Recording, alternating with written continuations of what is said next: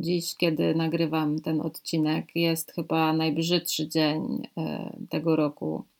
W dodatku, chociaż e, ciężko mi się do tego przyznać, mam kaca. Za oknem pizga złem. E, jest po prostu tak, jakby chodziło się po takich zwłokach zimy w ostatnim stadium rozkładu. Ale Facebook przypomniał mi dzisiaj, że nie wszystkie stycznie w moim życiu wyglądały tak jak ten, więc dzisiejszy odcinek chcę poświęcić na wspominanie rzeczy dobrych, jakie zdarzyły mi się w styczniu, y, jakie w ogóle zdarzyły się w styczniu i w tym roku i kiedyś. I wiem, że styczeń jeszcze się nie skończył, ale y, ja już chyba bardzo bym chciała, żeby się skończył, chociaż to jest jakoś tak zawsze, że styczeń jest najdłuższym e, miesiącem w roku i trwa znacznie dłużej niż te 31 dni.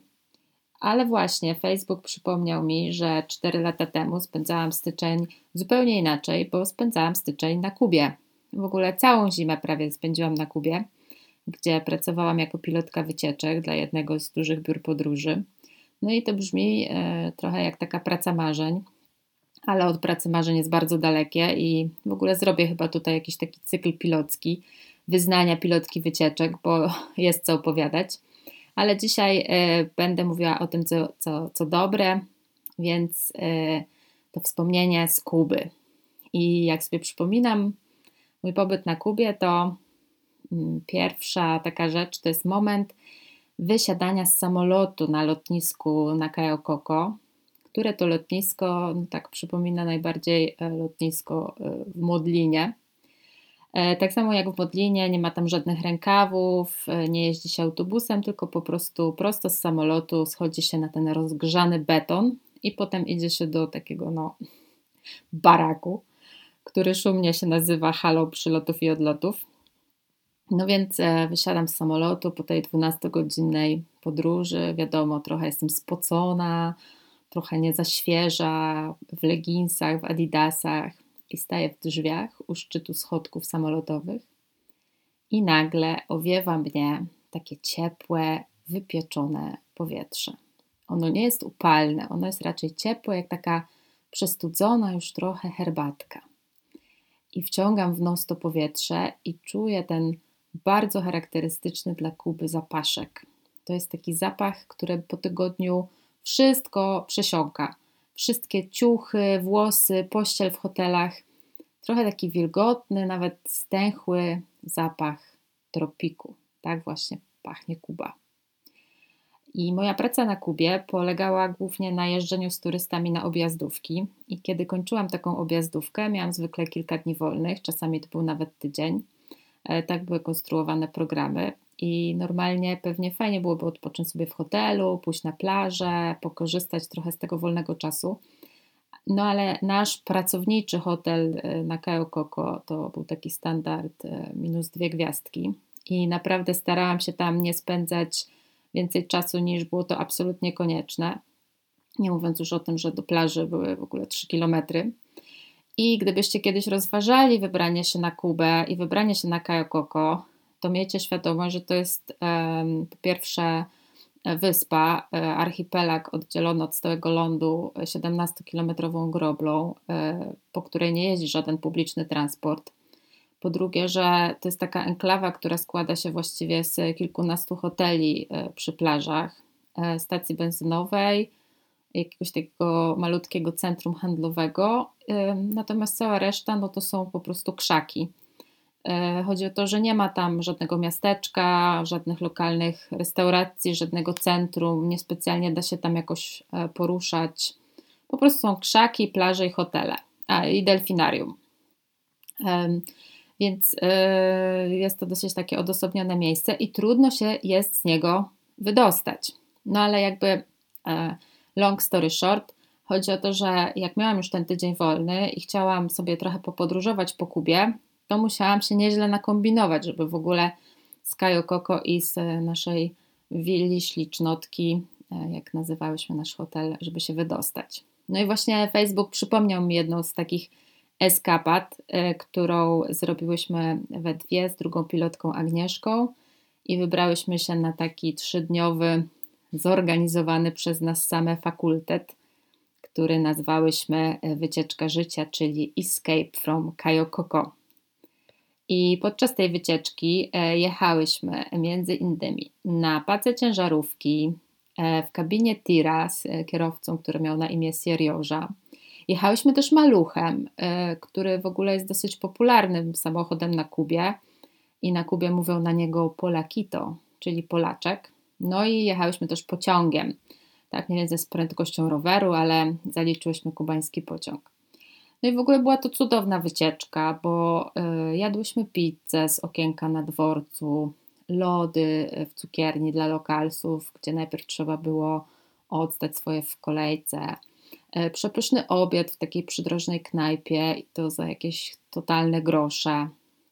Nocowałyśmy w hotelu dla Kubańczyków e, przy pięknej lagunie, w takim super casa particular, czyli e, prywatnym pokoju do wynajęcia.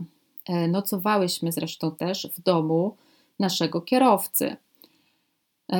Co zresztą rozdarło mi trochę serce, bo miałam okazję zobaczyć, jak żyją zwykli Kubańczycy. No i oni naprawdę żyją bardzo, ale to bardzo skromnie ale no byłyśmy też na tańcach w Casa della Trova, czyli takim domu kultury, domu muzyki, e, na dyskotece.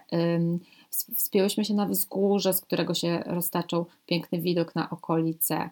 No, była to naprawdę fantastyczna przygoda, e, dzięki której przekonałam się, że Kubańczycy naprawdę mają wielkie i otwarte serca i że wystarczy zejść trochę z utartych szlaków, e, trochę pojeździć po bezdrożach, żeby zobaczyć zupełnie inną Kubę niż taką, którą ogląda się z, za szyby klimatyzowanego autokaru, którą sama pokazywałam turystom podczas tych objazdówek. I to nie była ostatnia moja włóczęga po tych kubańskich bezdrożach. Potem jeszcze kilka razy wybrałam się w podróż na stopa, czyli łapałam butelkę, e, tak się mówi e, na Kubie, łapać butelkę. I to były takie podróże e, bardzo spontaniczne, bez jakiegoś wielkiego planu, bez internetu w komórce, bo nie wiem jak jest teraz, ale w 2016 roku nie było w ogóle tak z powietrza e, internetu na Kubie. I dzisiaj, właśnie w ten bury dzień, tak wspominam sobie to ciepełko, ten smak e, tych śmietankowych lodów, smak soku z mango, smażonych bananów no i też wspominam sobie chyba to poczucie wolności, które wtedy miałam, to że mogę jechać dokąd chcę, że trochę tak nikt nie wie, gdzie jestem. I to jest takie moje ratunkowe wspomnienie na dzisiaj. E, drugie wspomnienie z totalnie innego klimatu to wspomnienie ze stycznia sprzed trzech lat, kiedy postanowiłam wybrać się e, sama w Beskid Wyspowy to był taki okres w moim życiu, kiedy mm, rozpadał mi się związek i mm, chyba potrzebowałam trochę czasu dla siebie, żeby coś tam sobie przemyśleć, e, czy chcę być w tym związku, czy nie, czy w ogóle jest jeszcze co ratować, czy nie. I chociaż chodziłam już wcześniej sama po górach, to nie byłam nigdy wcześniej zimą, więc wybrałam sobie takie właśnie nie za wysokie e, górki. No i zaplanowałam sobie jakąś tam trasę na dwa dni E, kupiłam bilety na pociąg, załadowałam sobie jakiś dobry audiobook e, na słuchawki no i, i poszłam. E, I pierwszy dzień to miałam dosyć lajtowy, tam około 4 godzin marszu do schroniska, ale drugiego dnia wiedziałam, że czeka mnie 8 godzin i że muszę no, spieszyć się dosyć mocno, bo no wiecie, styczeń, więc ciemno się tam robi o 16. I to był niesamowity dzień bo jedyną osobą, jaką spotkałam tego dnia na szlaku, był człowiek z psem i strzelbą. I szłam sobie sama przez ten zaśnieżony las, i ta niesamowita cisza, i śnieg. I po prostu szłam, i chyba nawet nie rozmyślałam nad tym związkiem, w ogóle specjalnie nad niczym nie rozmyślałam, tylko po prostu szłam. I przewróciłam się kilka razy, e, bo nie miałam żadnych raczków ani nakładek nawet na buty i wstawałam, i wdrapywałam się na kolejne górki. I e, tuż przed zapadnięciem zmierzchu wyrosła przede mną ostatnia góra, Luboń, e, na szczycie której e, czekało już na mnie miejsce w schronisku na nocleg. Więc wdrapałam się na Luboń i w samym schronisku było piekło, bo zjechała się jakaś studencka grupa, która na szczęście spała w innym budynku, ale imprezowała chyba od południa. A, a ten główny budynek schroniska jest malutki, bo to jest właściwie tylko taka sala jadalna na dole i wspólna sala sypialna na piętrze. Nawet nie ma łazienki, tylko jest wychodek na zewnątrz.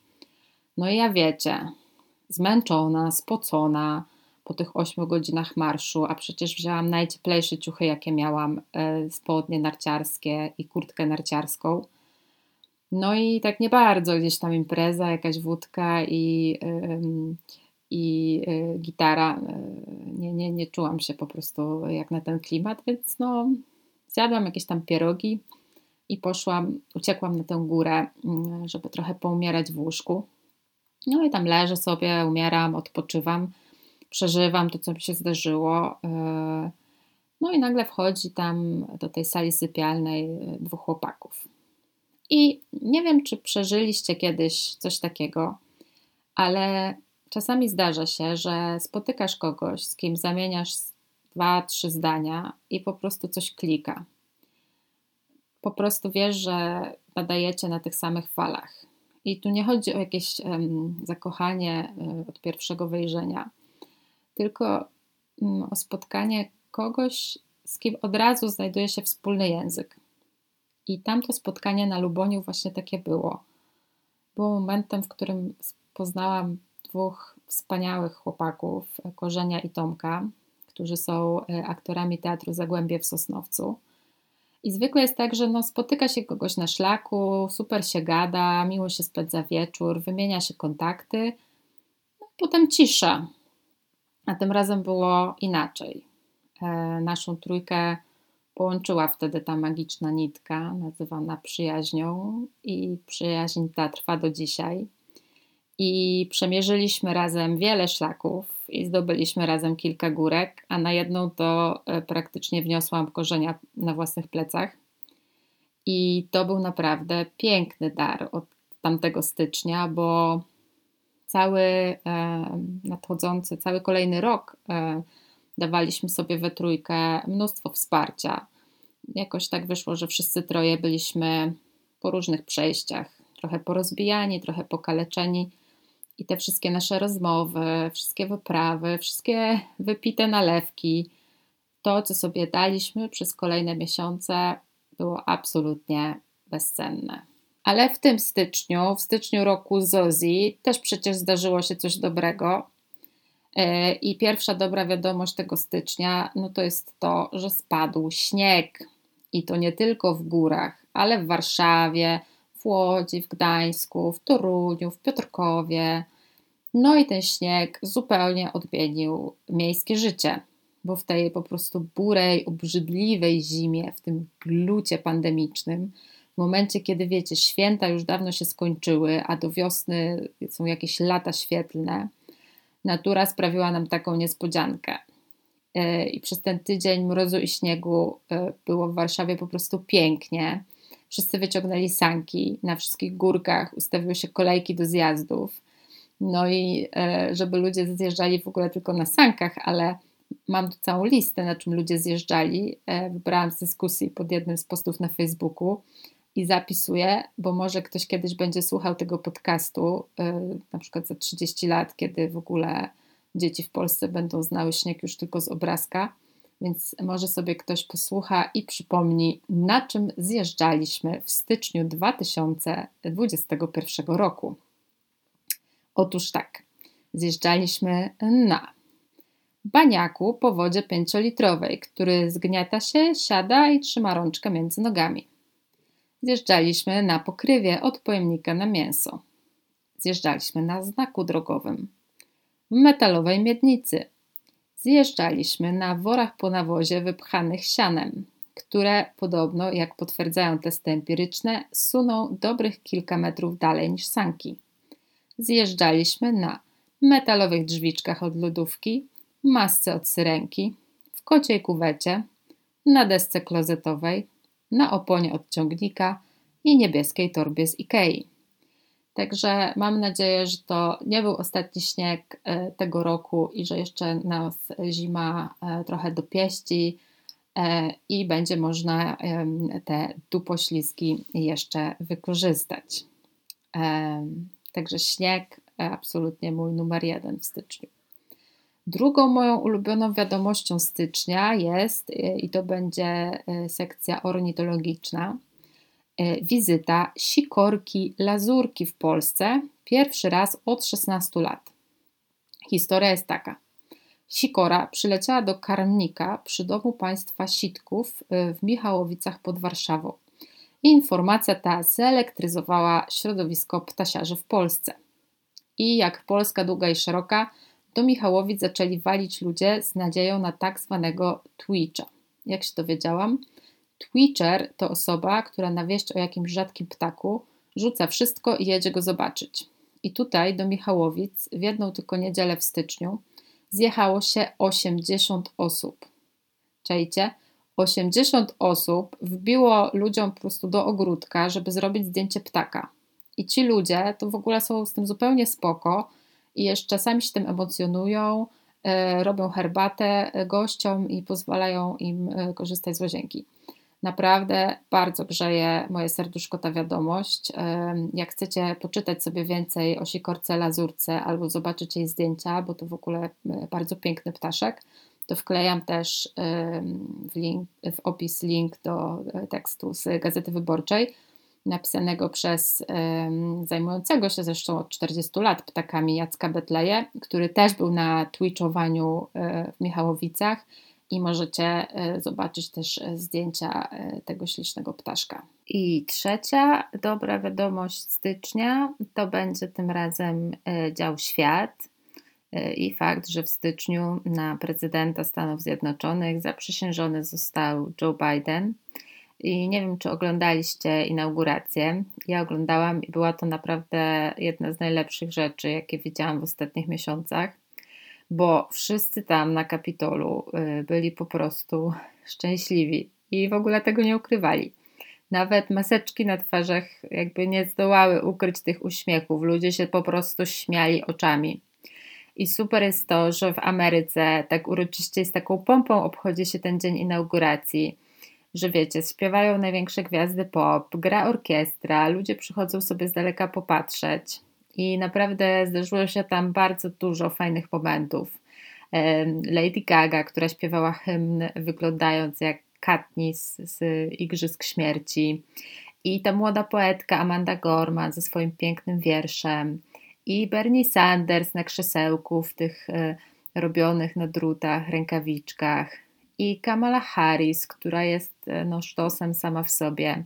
I Obamowie, którzy E, zawsze tak sprawiają, że robi mi się mm, jakoś tak cieplej na sercu. No i sam Joe Biden, który, słuchajcie, ma przecież 78 lat, a poglądy dużo bardziej postępowe niż niejedna młoda osoba i który podobno od czasu inauguracji nie miał e, czasu udzielić jeszcze żadnego wywiadu, bo tylko siedzi, podpisuje i prostuje to, co napsuł Trump. Nie wiem, dla mnie był to jakiś taki po prostu dobry dzień dla świata, jakiś taki powiew normalności w tym dziwnym świecie, w jakim nam przyszło żyć. E, są, są, są rzeczy, które dzieją się tak jak zawsze, tak jak od 200 lat, e, mimo że były obawy, że wcale tak nie będzie. No a jednak zdarzył się taki dzień pełen nadziei. Wszystkie linki wklejam w opisie e, do zdjęć z Kuby E, do opisu wyprawy w Beskid Wyspowy, e, do, wiersza Amandy z inauguracji. E, i w ogóle zorientowałam się, że może powinna mieć jakiś jingle albo coś takiego charakterystycznego w tym podcaście, ale nie wymyśliłam nic do tej pory, więc powiem tylko, że ja się nazywam Joanna Kocik, a to był podcast End of the World.